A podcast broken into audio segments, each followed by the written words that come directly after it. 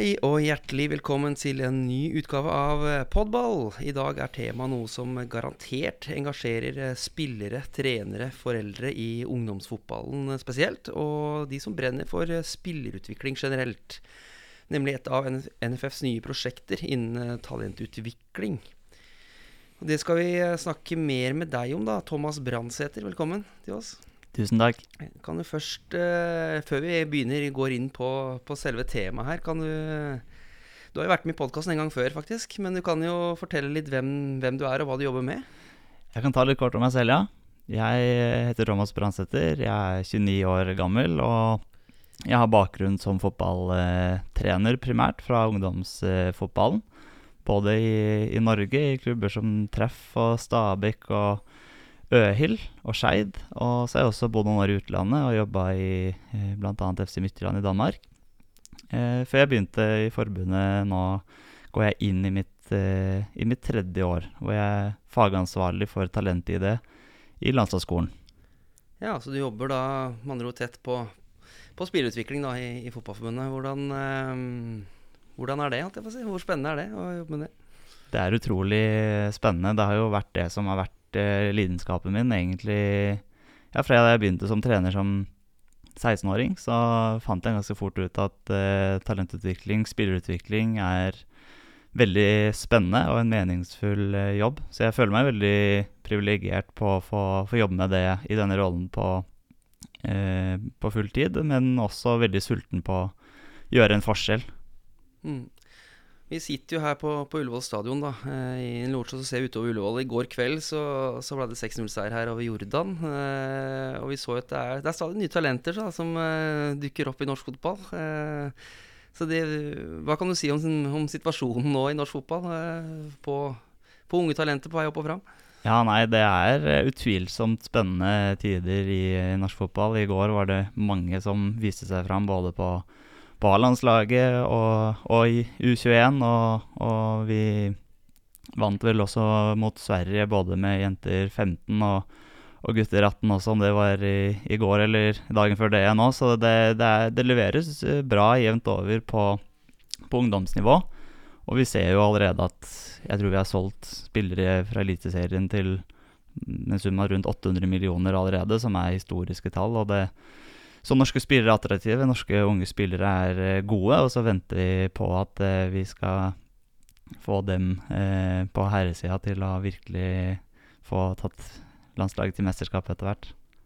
Det håper vi inderlig på. Um, det gjøres mye bra, da, og så er det det som da er dagens tema, da, at det gjøres stadig nye grep for å forbedre ting ytterligere. Um, Landslagsskolen består av rundt 10 000 spillere, 1500 trenere, eh, og starter jo allerede med sonelag da når man er 12 år. Mm. Eh, og så er det sånn at det er store forskjeller fysisk i utviklinga blant ungdom, eh, som kan ha, ha, innvirkning. og Derfor så har jo da NFF starta prosjektet Vekst og modning, og der er du en uh, veldig sentral person. Altså du kan jo starte å si litt om det, da. Eh, hvorfor, hva, eller hva er det, og hvorfor starta vi med det?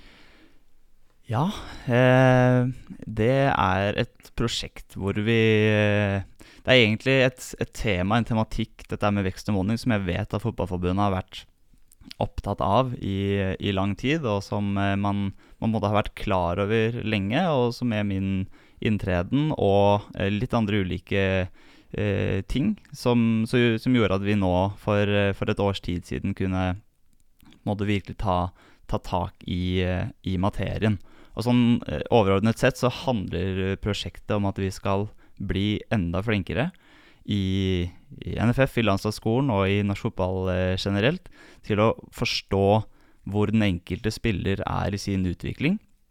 Eh, fordi som du var inne på, det er store forskjeller eh, fysisk, særlig gjennom eh, ungdomsårene. Og ikke minst, eh, hva kan vi bruke den forståelsen og bevisstheten rundt hvor den enkelte er, Eh, til å Hva kan vi gjøre med den konkret eh, til å utvikle flere og bedre spillere til glede for norsk fotball? Mm, så starta vi da I sommer var det første gang et såkalt future team da, i Porsgrunn under um, talentleiren. Equinor talentleir. Um, mm. Hvordan var det å starte opp med det der?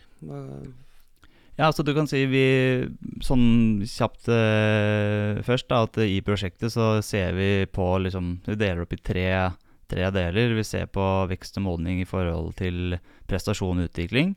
Vi ser på det i forhold til eh, seleksjon, og vi ser på det i forhold til skadeforebygging. Og når du nevner Future Team nå, så er det et av tiltakene vi allerede har satt i gang på med hensyn til, eh, til seleksjon. Eh, og det var, eh, det var en veldig god eh, opplevelse nå i sommer å endelig komme i gang. Og det var mye vi var fornøyd med, og så var det kanskje enda mer vi, vi også gleder oss til å bli enda, enda flinkere framover. Men, men, kort fortalt så handler det jo om at vi, vi har gjort en grundig jobb på å finne ut av hvordan det ser ut i, i landslagsskolen på ungdomslandslag og, og utvalgte kretslag i forhold til Tar vi ut spillere som er eh, en blanding av tidlig fysisk utviklede eller tidlig gjennomsnittlig eller seint fysisk utviklede, eller er det overrepresentasjon av, av tidlig fysisk utviklede spillere? Den kartleggingsjobben gjorde vi på, på gutte- og jentesida, og på bakgrunn av tallene vi, vi så på guttesida, så satte vi da i gang med, med, med Future Team nå. Mm. Hva, for, altså det hva forteller det oss uh, så langt, da? Det forteller oss at vi på ungdomslandslag på guttesida eh, tar ut veldig mange av de som er eh, tidlig fysisk utvikla, eller tidligere, ganske klart tidligere fysisk utviklet enn gjennomsnittet. Eh, og at vi tar ut veldig få av de som er eh, seint fysisk utvikla. Nesten ingen. Det er noen her og der, men det er, eh, det er veldig få. Eh, og det på, på guttesida. På jentesida så ser vi at det ikke er eh, sånn. Vi ser eh, på våre tall at det er eh, Ja, det, at det ikke er flere tidlig fysisk utvikla eh, jenter enn en, en seint. Det er en mer jevn fordeling. Om noe så har vi faktisk sett at det er litt flere seint fysisk utvikla spillere på de, på de tallene vi, vi har nå. Mm. Ja, for det er som du sier, det er, dette er på guttesida nå først og fremst, da, og ikke jentesida. Eh, da er du inne på litt hvorfor, men kan du utdype det litt? Hva, hva som gjør at, vi, at det er guttesida først og fremst dette er en, et tema? Ja, nei, det Altså, hvis du tar ett steg tilbake, da, så er det gjort veldig mye forskning på dette her med seleksjon gjennom puberteten i, eh, altså i mange land. Eh, men veldig eh, lite på jentene. Nesten utelukkende vært gjort eh, forskning på det på guttesida. Det har vært noen forsøk i bl.a. Spania på det, men, men, veldig lite. Så våre tall er, så vidt vi vet, blant de første eh, som, som, finnes på dette her med, med seleksjon av tidlig og seint fysisk utvikla jenter. Eh, og våre tall er, som jeg var inne på, ganske tydelige på at her er det ikke en, en overrepresentasjon av tidlig fysisk utvikla jenter. Det vi derimot eh, ser, og som blir et prioritert område for oss framover, er at eh, det er forferdelig mye skader på jentesida, eh, i, i, ungdomsfotballen særlig. Det er mange på gutta òg, det må vi også ta på alvor, men, men jentene er, ser ut til å være særlig eh, utsatt for, for, en del eh, skader. Så det er der vi vil legge trykket eh, framover. Mm. Går det på, da, på kampbelastning og de tingene der, eh, først og fremst, da, tenker du, eller?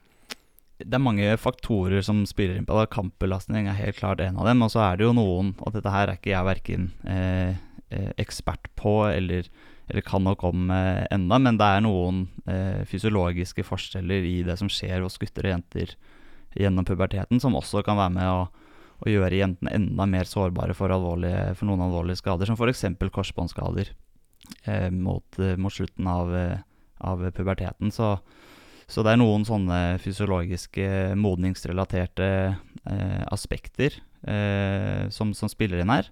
Og så er kampbelastning én eh, ting vi faktisk også nå er i full gang med å se på. Da. Om det er en av hovedårsakene til, til, det. Eh, men det er klart, totalbelastning er, er et nøkkel, nøkkelord her. Eh, mm. Mm kan komme litt tilbake til det seinere også, men bare eh, litt tilbake igjen til eh, da dere begynte å jobbe med det prosjektet her. Da. Hva måte var utgangspunktet? Hva, hadde dere noen tall fra noen andre land? Eh, hva var liksom tankene da dere starta med det? Hva var forventningene før dere begynte med det? Det er et, det er et godt spørsmål. Hva var forventningene? Forventningene gikk først og fremst på at vi skulle komme med noen konkrete ting som vi kan gjøre med denne problemstillingen. Fordi eh, eksempelvis relativ alderseffekt er noe som eh, veldig mange trenere der ute allerede er veldig klar over. Eh, og det er noe vi også måtte, er. Men, men eh, det er veldig lite forståelse for hva eh, Også for lite her, her, hos oss. Hva kan vi konkret eh, gjøre med det? Så kan jeg presisere at det vi ser på, på, i vårt prosjekt, det dreier seg da primært om ungdomsfotballen. Og der er det det vi kaller for relativ veksteffekt, som ser ut til å være mer enda viktigere enn relativ alderseffekt, fordi at man kan komme i pubertet eh, tidlig eller seint, uavhengig av når du er født på året. Så det er, eh, det er ikke det samme å være eh, født tidlig på året når du er ungdom, som at du da også er nødvendigvis tidlig fysisk utvikla. Eh, men som jeg også eh, nevnte så vidt, så har det jo vært gjort en del forskning på, eh, på dette området fra utlandet.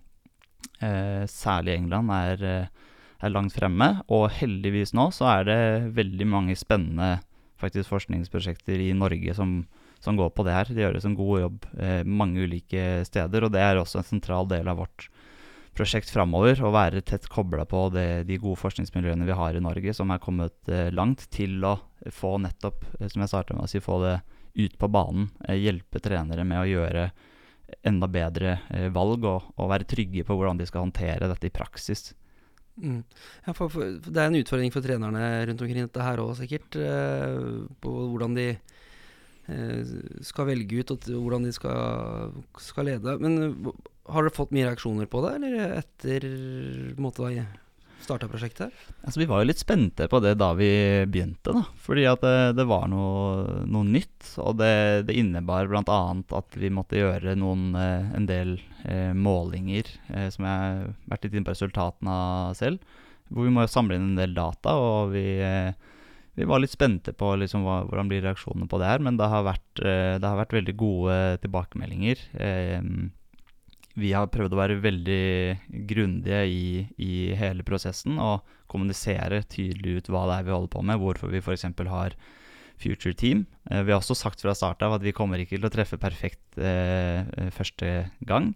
Eh, så tilbakemeldingene på eksempelvis Future Team som vi hadde nå i sommer, har vært veldig, veldig gode veldig mange klubber er eh, takknemlige for at vi på en måte gjør noe, og det hjelper også dem med å, med å skape en økt bevissthet rundt det i, i, sin, eh, i sin, klubb. Eh, og så er det jo også utfordringer som, som blir dratt opp her. Altså Én ting er Ok, Future Team. Eh, ja, vi har vært inne på det. Det er for gutter i første omgang, og ikke for jenter. Hvorfor det? Det har vi svart ut eh, litt. Grann. Men også det med ok, vi vil gjerne eh, gi designt utvikla spillerne et ekstra tilbud. Hva med de tidlige fysiske utviklingsspillerne? Eh, eh, er, er vi ikke interessert i dem? Skal de straffes for det her? Eh, litt sånne ting, og det er jo viktig å være tydelig på at det har vi absolutt ingen intensjon om. Det, det handler om å gi å bli enda klokere på hva kan vi gjøre, som jeg har vært inne på, for å forstå enda bedre hvor den enkelte er. Og uavhengig av om de er tidlig eller seint fysisk utvikla, eller helt gjennomsnittlig, vite hva kan jeg gjøre for å følge opp denne spilleren best mulig. Mm. Hvordan eh, skal trener jobbe med å, med å få til alle de tingene der, for det høres jo utfordrende ut, da. Mm. Hvordan skal man jobbe med det? Det, er, eh, det viktigste er å prøve å tilegne seg eh, kunnskap om det, for det finnes det mer og mer da. Vi begynner å bygge opp ganske mye i, i forbundet nå. Det finnes en del eh, der ute fra før. Så hvis du, er, hvis du begynner med å anerkjenne at dette her er en sentral del av det å være trener i ungdomsfotballen, det er å forstå litt av disse mekanismene.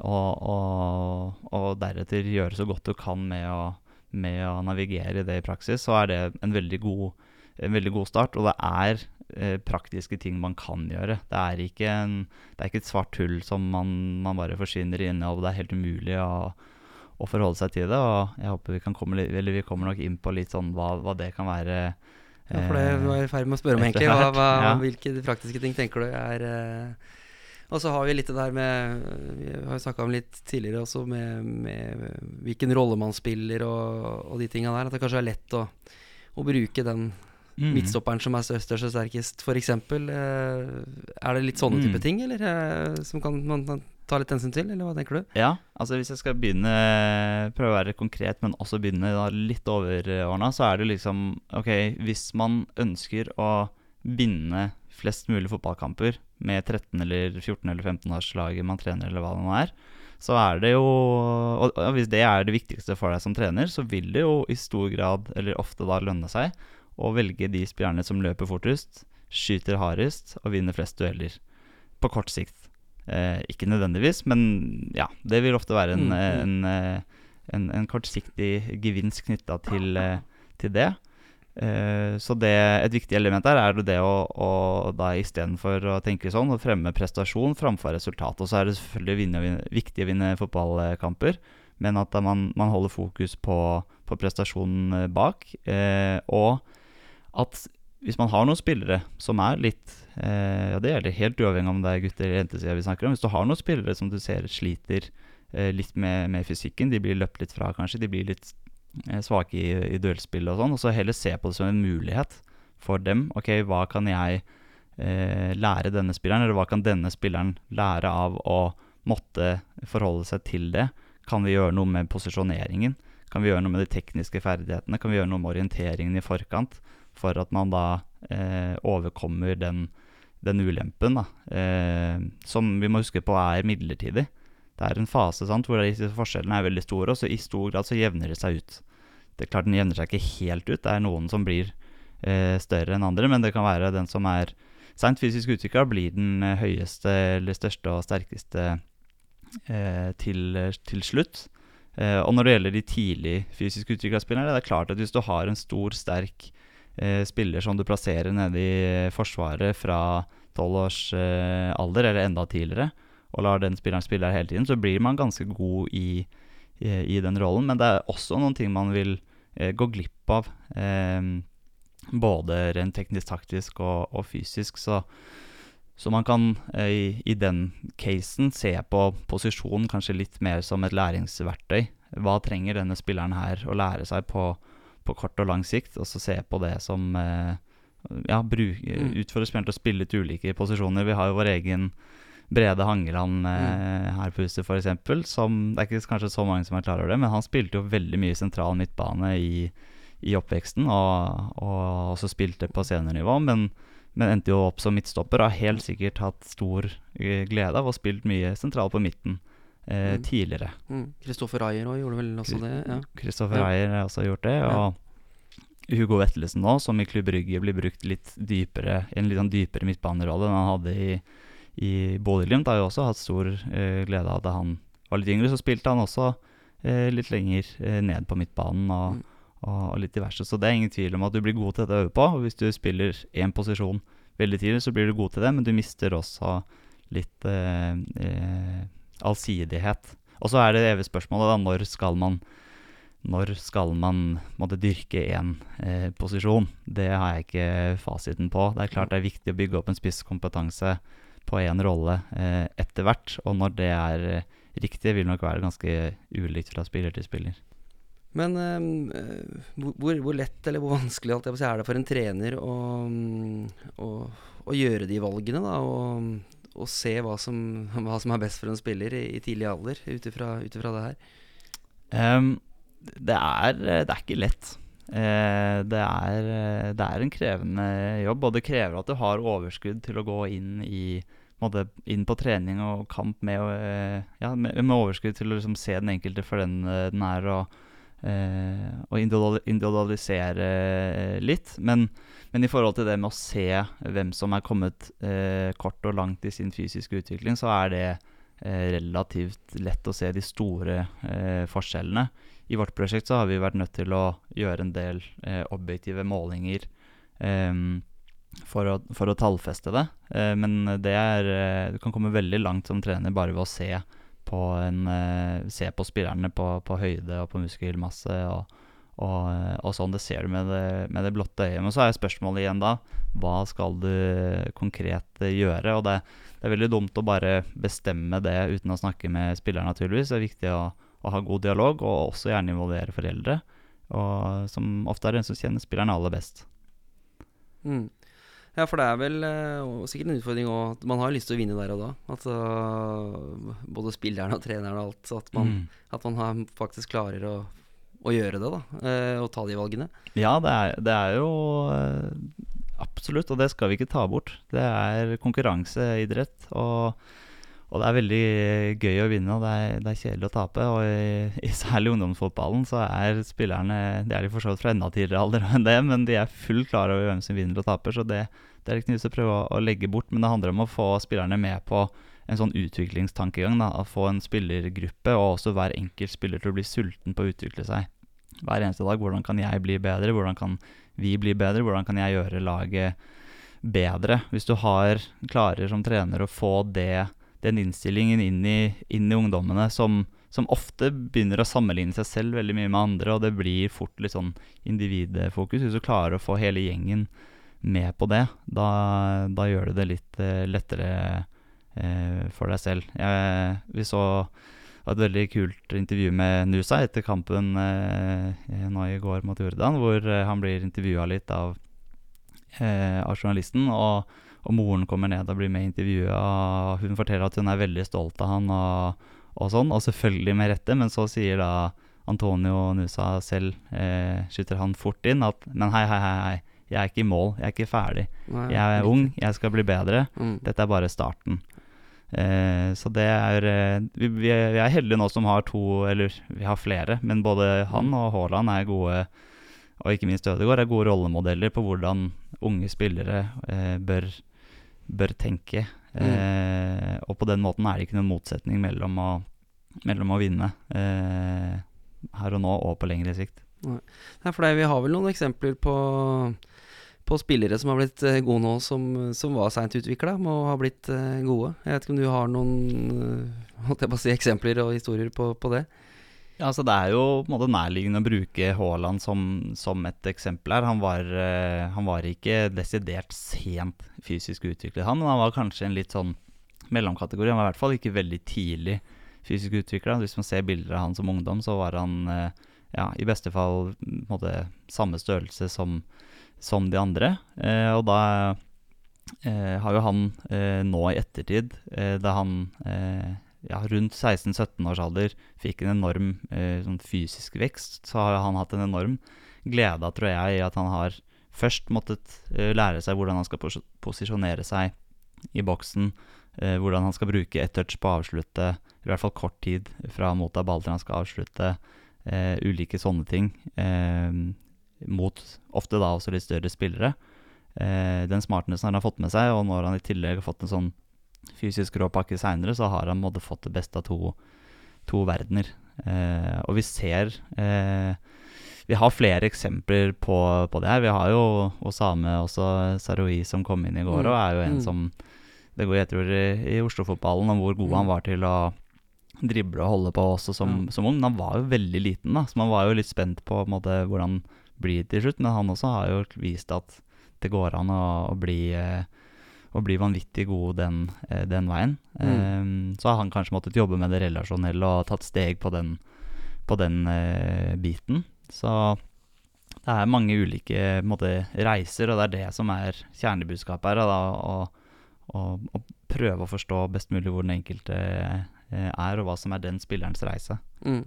Hvor enkelt er det for eh, Nå snakker vi om trenere generelt. Da, hvor enkelt er det for dere som styrer med landslagsskolen, å, finne de spillerne på rett måte?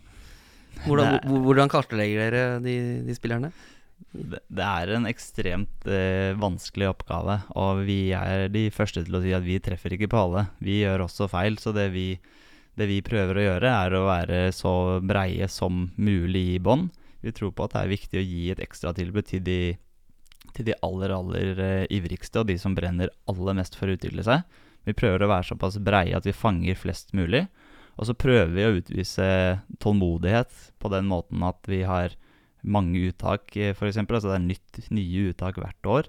Så hvis man utvikler seg i klubb gjennom et år, så blir man eh, oppdaget, eh, og, eller har mulighet i hvert fall til å bli oppdaget og komme med igjen seinere. Så døren lukkes ikke etter første første gang. Så det her med eh, tålmodighet eh, er et, et, nøkkelord for oss, i forhold til at vi veit at dette her skjer i rykk og napp, og vi må være både tålmodige og, og nysgjerrige på, på, flest mulig spillere. Og da har vi også en fantastisk retur i norsk fotball som ikke så mange andre eh, land har, i form av kretsene våre, som har eh, dedikerte spillerutviklere som følger opp dette her gjennom hele sesongen i, i praksis eh, der, eh, der ute. Mm. Du nevner jo tålmodighet, da, men det gjelder vel en del spillere også, sikkert. For det Eh, det kan jo bli stagnering litt på veien. Og, og, mm, hvordan skal de holde motivasjonen oppe hvis det kommer perioder der det, der det butter litt? Da? Eh, og hvordan kan, hvordan kan, trenerne hjelpe de på veien eh, hvis de ser at, at i en vekstperiode at det, at det blir litt stagnering? da? Ja, her er det, det er et veldig godt spørsmål og en viktig, viktig problemstilling. For Hvis du tar jentesida først, da, så veit vi av det at der hvor måte, guttene vil oftest ha Eh, framgang gjennom puberteten fordi de får mer muskelmasse gjennom, eh, ja, gjennom denne perioden, så vil det for jentene gå litt mer eh, opp og ned. Altså De vil ikke få den samme naturlige økningen i, i muskelmasse. Eh, men samtidig så vokser de også. De blir høyere, og de, blir, de får større kropper. Så de eh, vil i perioder kunne oppleve litt mer stagnasjon, og det kan være helt eh, naturlige årsaker til det det er ganske måte, rart at ungdomsårene kan være nei, Det er vel kanskje den eneste perioden hvor det ikke nødvendigvis er samsvar mellom den treninga du legger ned, og de resultatene du får ut i, i andre enden. da. Eh, så, så, jentene har en eh, det, det, er en viktig ting å være klar, uh, klar over når det gjelder utvikling av, av, jenter, og når de kommer i den, i den fasen. Hvis de får en sånn periode, er det utrolig viktig at trenerne er klar over disse mekanismene og ufarliggjør det og viser og sier at det er helt normalt. Og det er jo eh, eksempler på jenter som har opplevd det her, og så tenker de ja, men ok, jeg blir, føler ikke at jeg blir noe særlig raskere eller, eller sånn. Ok, da, da, må jeg trene enda mer, da. Og så trener de enda mer og enda hardere. Og så blir det en ond spiral til slutt fordi de trener seg i hjel. De blir skada. Mm, mm. eh, fordi man ikke har vært helt klar over eh, det her. Eh, men også gutter får jo Eh, i, i, perioder hvor de vokser veldig raskt, så får de ofte også en, en periode hvor de ser litt mer sånn klumsete ut, liksom, hvor motorikken ikke er helt sånn som den var. De kan bli litt treigere. Eh, så også for gutta er det en, eh, en problemstilling som, som, slår inn. Og igjen er det Det er litt sånn paradoksalt også at det skjer samtidig eh, med at de er utsatt for vekstrelaterte skader hvis de trener for mye. Mm. Så man føler litt stagnasjon, og så har man lyst til å trene mer. Men egentlig så er det viktigste å gjøre i den perioden å bare la kroppen bygge seg og, mm. og restituere nok. Eh, og ta ting stille og, rolig. Så, så, det er eh, utrolig viktig at trenere der ute er klar over det. Og så et siste mm. poeng der, det er jo forholdet forhold til det her med seleksjon. da. Altså for det, når, Hvis det skal f.eks. gjøres et uttak til et eh, førstelag da, i, i, klubb, eller for så vidt også et uttak til et eh, kretslag, eller hva det måtte være, så er jo det utrolig sårbart at det skjer nettopp i en sånn periode hvor en spiller kan ha en midlertidig dipp eh, mm. i formen sin fordi at han eh, eller hun eh, vokser veldig mye. Så, så, det er jo også en sånn eh, viktig budskap til, til, alle som driver med seleksjon. At vær obs på, eh, på, om denne spilleren her, kanskje han, han, eller hun er i veldig rask vekst nå. Det er, eh, det er noe som bør la måtte, tvilen komme spilleren til, til gode. Da, og så gir man den eh, sjansen. Mm. Hvilke tilpasninger som kan man gjøre på det her da, eh, som trener?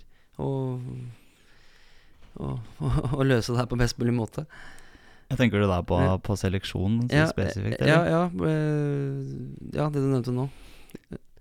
Um, altså, det det beste man kan gjøre her sånn, er å punkt én være så tålmodig som mulig. Jo lenger du kan utsette en seleksjonsprosess, jo større sjanse har du for å måtte treffe på sikt, altså hvem som blir god til slutt. Og så er det ulike eh, elementer. Det er jo eksempelvis langt ifra hovedårsaken til at vi gjør det som vi gjør i i landslagsskolen. Men eh, så det med, som vi har vært inne på med, med tålmodighet, eh, er viktig. Og så er det kunnskap. Eh, være bevisst på det.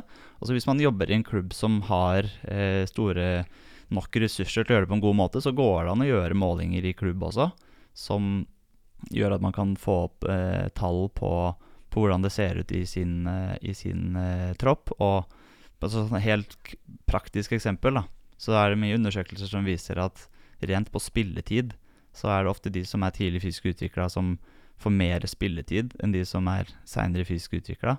Og da har man jo mulighet f.eks. å Hvis man igjen har ressursene til det, å både måle eller kartlegge spilletid og koble det opp mot spillernes biologiske alder, og så se, skape en bevisstgjøring rundt det for treneren i sin egen klubb. Men, men vi er veldig tydelige på at det er veldig mye du kan gjøre uten å måle måle spillerne selv. Og det er eh, et enormt stort ansvar og mye regler man skal overholde dersom man velger å, å gjøre denne type ting. Og ikke minst viktig å informere spillerne om hvorfor man gjør det. Mm. Eh, og gjerne anonymisere dataen i, i så stor grad som overhodet mulig. Kjenner du til mange som gjør det du, gjør det du forteller om nå, eller? Ja, det er Ja. mange klubber Mm. som eh, gjør dette her på guttesida eh, særlig. Eh, det har jo også vært noen, det har vært noen eh, skrekkeksempler eh, internasjonalt. Det har vært en dokumentar nylig om, om dansk, eh, det danske A-landslaget Mm, på kvinnesida, hvor det var mange hvor det var offentlige veiinger, og det var liksom eh, Det ble ikke gjort på en god nok måte, helt tydelig. Det tok de også selvkritikk på. Men på, på guttesiden i Norge så er det mange akademier som, som har begynt med, med dette. Og det er sånn sett bra at det er mer eh, bevissthet rundt det også der. Eh, men jeg opplever også når jeg prater med klubben, at de syns det er utfordrende å ha nok ressurser til å følge det opp i praksis. For det handler om å bruke den dataen da til å ta ned treningsbelastningen litt i perioder med rask eh, vekst, f.eks. Eh, men vi har gode samtaler med NTF rundt eh, dette også, gjennom prosjektet vårt. På hvordan, eh, hvor vi kan komme litt med våre råd på hva de bør og, og ikke bør gjøre gjennom f.eks. akademiklassifiseringen. Så, så positivt med økt eh, oppmerksomhet eh, rundt det, eh, men også viktig å presisere at det er veldig mye som kan gjøres uten å, uten å måle. Mm, mm. Ehm, kan man si litt med Sånn på hospitering, f.eks. At man kan hospitere ned takk, Mm. for eksempel Er det en løsning også, eller eh, hva tenker du om det? Ja, Det har de f.eks. innført i Danmark. da. Mm. Altså Toppklubben i Danmark der, der har de et uh, system hvor man kan uh, gjøre en, en måling av spilleren, og så sender man den inn til forbundet. Og så gjør de en, gir de en dispensasjon til å spille ned, basert Mm. på at spilleren eksempelvis er ett eller to år yngre biologisk enn det den kronologiske alderen, eller måte, hvor lenge det lever på planeten, skulle, eh, skulle tilsi. Så det, det, det går an. Eh, jeg selv jobbet i en klubb FC Midtjylland hvor det ble gjort, og det Mm. fungerte ok, men det var også veldig mye jobb eh, knytta til å utdanne, eh, snakke med foreldre, spillere osv. om hva det her eh, Mm. innebar. Ja, for jeg vil jo tro at det er en litt sånn nedtur for en spiller å bli satt ned takk, kanskje? Eller? Det, ja, det kan være det hvis det blir eh, måte, brukt eh, Mm. på feil måte, eller ikke kommunisert eh, eh, godt nok eh, rundt det. For det, det er ingen tvil om at det kan være veldig gunstig for en spiller som stort sett gjennom året opplever å være fysisk underlegen og, og måtte liksom overleve.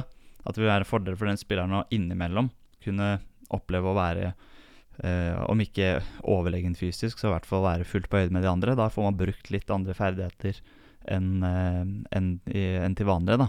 Og det, det Mm. forstår uh, ofte spillere og, og foreldre og eh, ja, eh, andre eh, når man eh, forteller dem om det, og, og viser dem eh, at det ikke er noen straff. At når de da er tilbake med, med sitt eget lag, så får de eh, spille like mye der, og at de er ja, fullstendig en del av en del av det. Da. Men det er et eh, tiltak vi på en måte ser på. Vi har ikke besluttet om vi, vi skal gå til det skrittet ennå, men det, det fungerer brukbart, eh, brukbart der. Og så er, jo, er det jo veldig vanlig den dag i dag å, å matche spillere opp. Og det Mm. har eh, også mange fordeler, men også en del ulemper. Mm. Så, Mm. så, men det er to, to virkemidler å være bevisst på.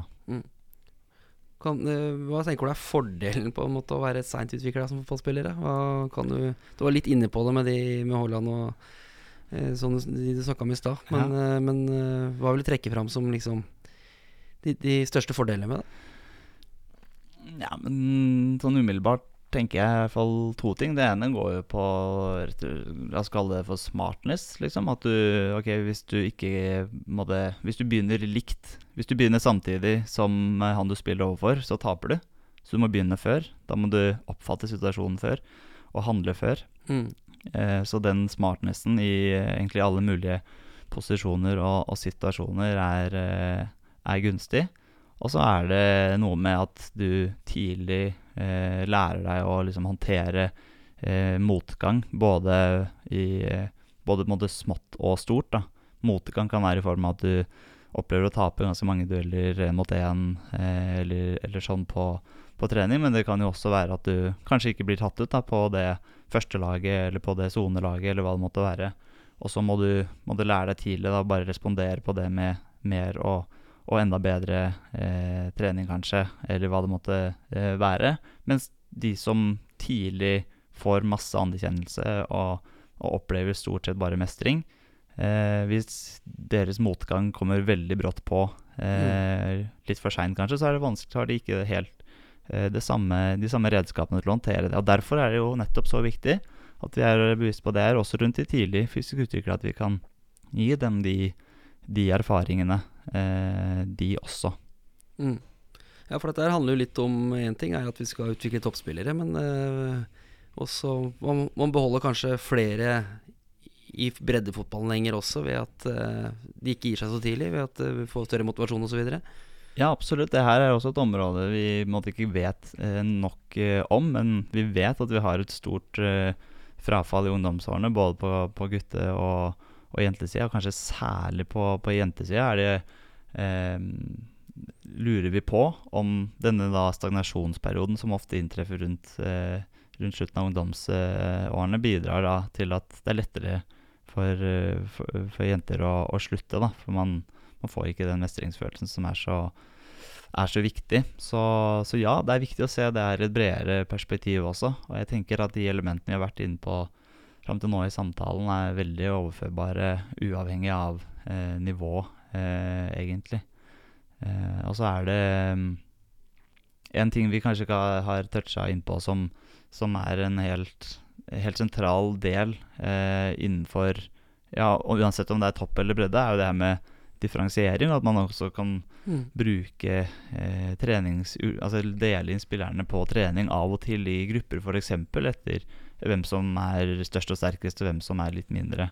For å på en såpass enkel måte gjøre, gjøre tilpasninger, og gi da kanskje et ekstra mestring eh, til dem som måtte trenge det.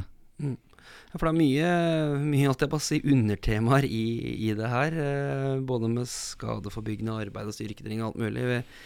Eh, hvordan jobber dere videre nå med det, det dere har starta på? På si? Hva er veien videre? Ja, altså vi viderefører uh, Future Team på guttesida. Og så ser vi på hvordan vi kan gjøre uttaksprosessene uh, enda bedre. Uh, for å få treffe enda bedre på på uttak der, så vi fortsetter en jobb der. Vi prøver å få organisert noen eh, også Future Team-landskamper, bl.a. der, jo. i 2024. Eh, på jentesida ja. så blir det full trykk. Ja, for det er mange land som er, Eller hvor mange land er det som, eh, som har dette her nå? Ja, men De tre landene som har kommet lengst, det er nok Sverige, Danmark og, og Belgia. da mm. Sistnevnte som jo var først ut, og har, eh, har mange gode caser på, på det her. Spillere som har vært på Future landslag og blitt eh, stjerner på A-landslaget. Mm. Eh, men det er også nasjoner som Polen og Sveits, eh, Tsjekkia også, som er, er i gang.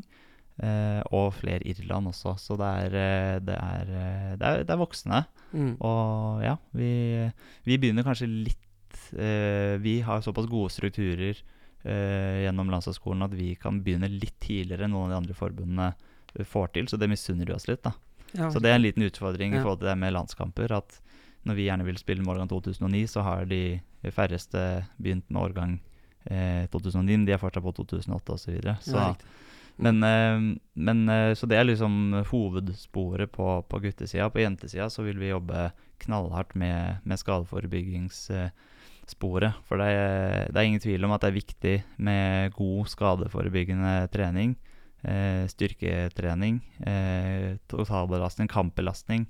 Denne type ting er områder vi vil, vi vil se på konkrete tiltak, tiltak rundt. Så det blir stort og krevende arbeid, men jeg føler vi er ganske godt i gang, og det er utrolig meningsfullt og viktig. Så mm. det blir det blir eh, gøy og spennende i årene framover med, med dette her. Mm. Du nevnte jo andre land som har litt erfaring med det, og sånn, men har du noe, noe tall og sånn på ja, de som har, Du nevnte noen topp som har blitt toppspillere, som har vært Mm. en del av Future Team. Er det noe, noe Mm. statistikk og tall på, på, på, på hvor godt det har funka i det landet? Ja, altså sånn eh, Jeg har ikke her og nå noen tall på sånn prosent, men det er absolutt mange spillere både når jeg prater, eh, som jeg gjør jevnlig med både det svenske og danske forbundet, så er det, så er det jevnt og trutt spillere. De, de sier, så gir de meg, sender en mail Se, har nå debutert en spiller til på A-landslaget vårt som har vært en del av Future-programmet programmet vårt. Ja. Og eh, Adries Mertens trekkes veldig ofte fram fra, fra Belgia da, som en sånn helt ekstrem case. Som en spiller som, eh, som de ikke tror hadde kommet dit han er i dag eh, uten, eh, uten Future Team-programmet. Uh, og en annen litt sånn artig eksempel er med, med den danske 2006-årgangen på, på Future. Så fra det ene året til det neste så var det seks, seks spillere som var på Future året før, som ble tatt ut i den opprinnelige landslagstroppen uh, året etter. Så, så det er veldig mye fra de landene som har holdt på med det her lenge, som tilsier at det er eh, at, det, at det fungerer, at det virker. Og ikke minst at eh, alle opplever at det har vært med å skape en økt bevissthet eh, rundt det. Da. Så det virker i seg selv, men det har også en viktig effekt i, i form av at det, det skaper mer fokus på det i, i klubbene og, og hos spillerne i, i hverdagen, som er den viktigste. Mm. Hvor sikker er du på at uh, det kommer eh, toppspillere i Norge her som har vært gjennom Future Team nå i åra som kommer? Det tror jeg vi kommer til å se. Mm. Eh, vi hadde jo nå Future-samling i sommer, og det er vanvittig mange spennende spillere som var tatt ut eh, der. Og jeg tror vi kommer bare til å bli bedre og bedre på, på dette her. Så jeg tror vi kommer til å, til å se det. Eh, så, men det vil tiden vise. Jeg veit, jeg kjenner deg så godt at vi kunne jo sittet og prata om dette her uh, uten å overdrive i timevis. Uh, men eh, vi, uh, vi får runde av nå snart. Kommer kanskje tilbake til med flere uh, podkaster etter hvert om, Mm.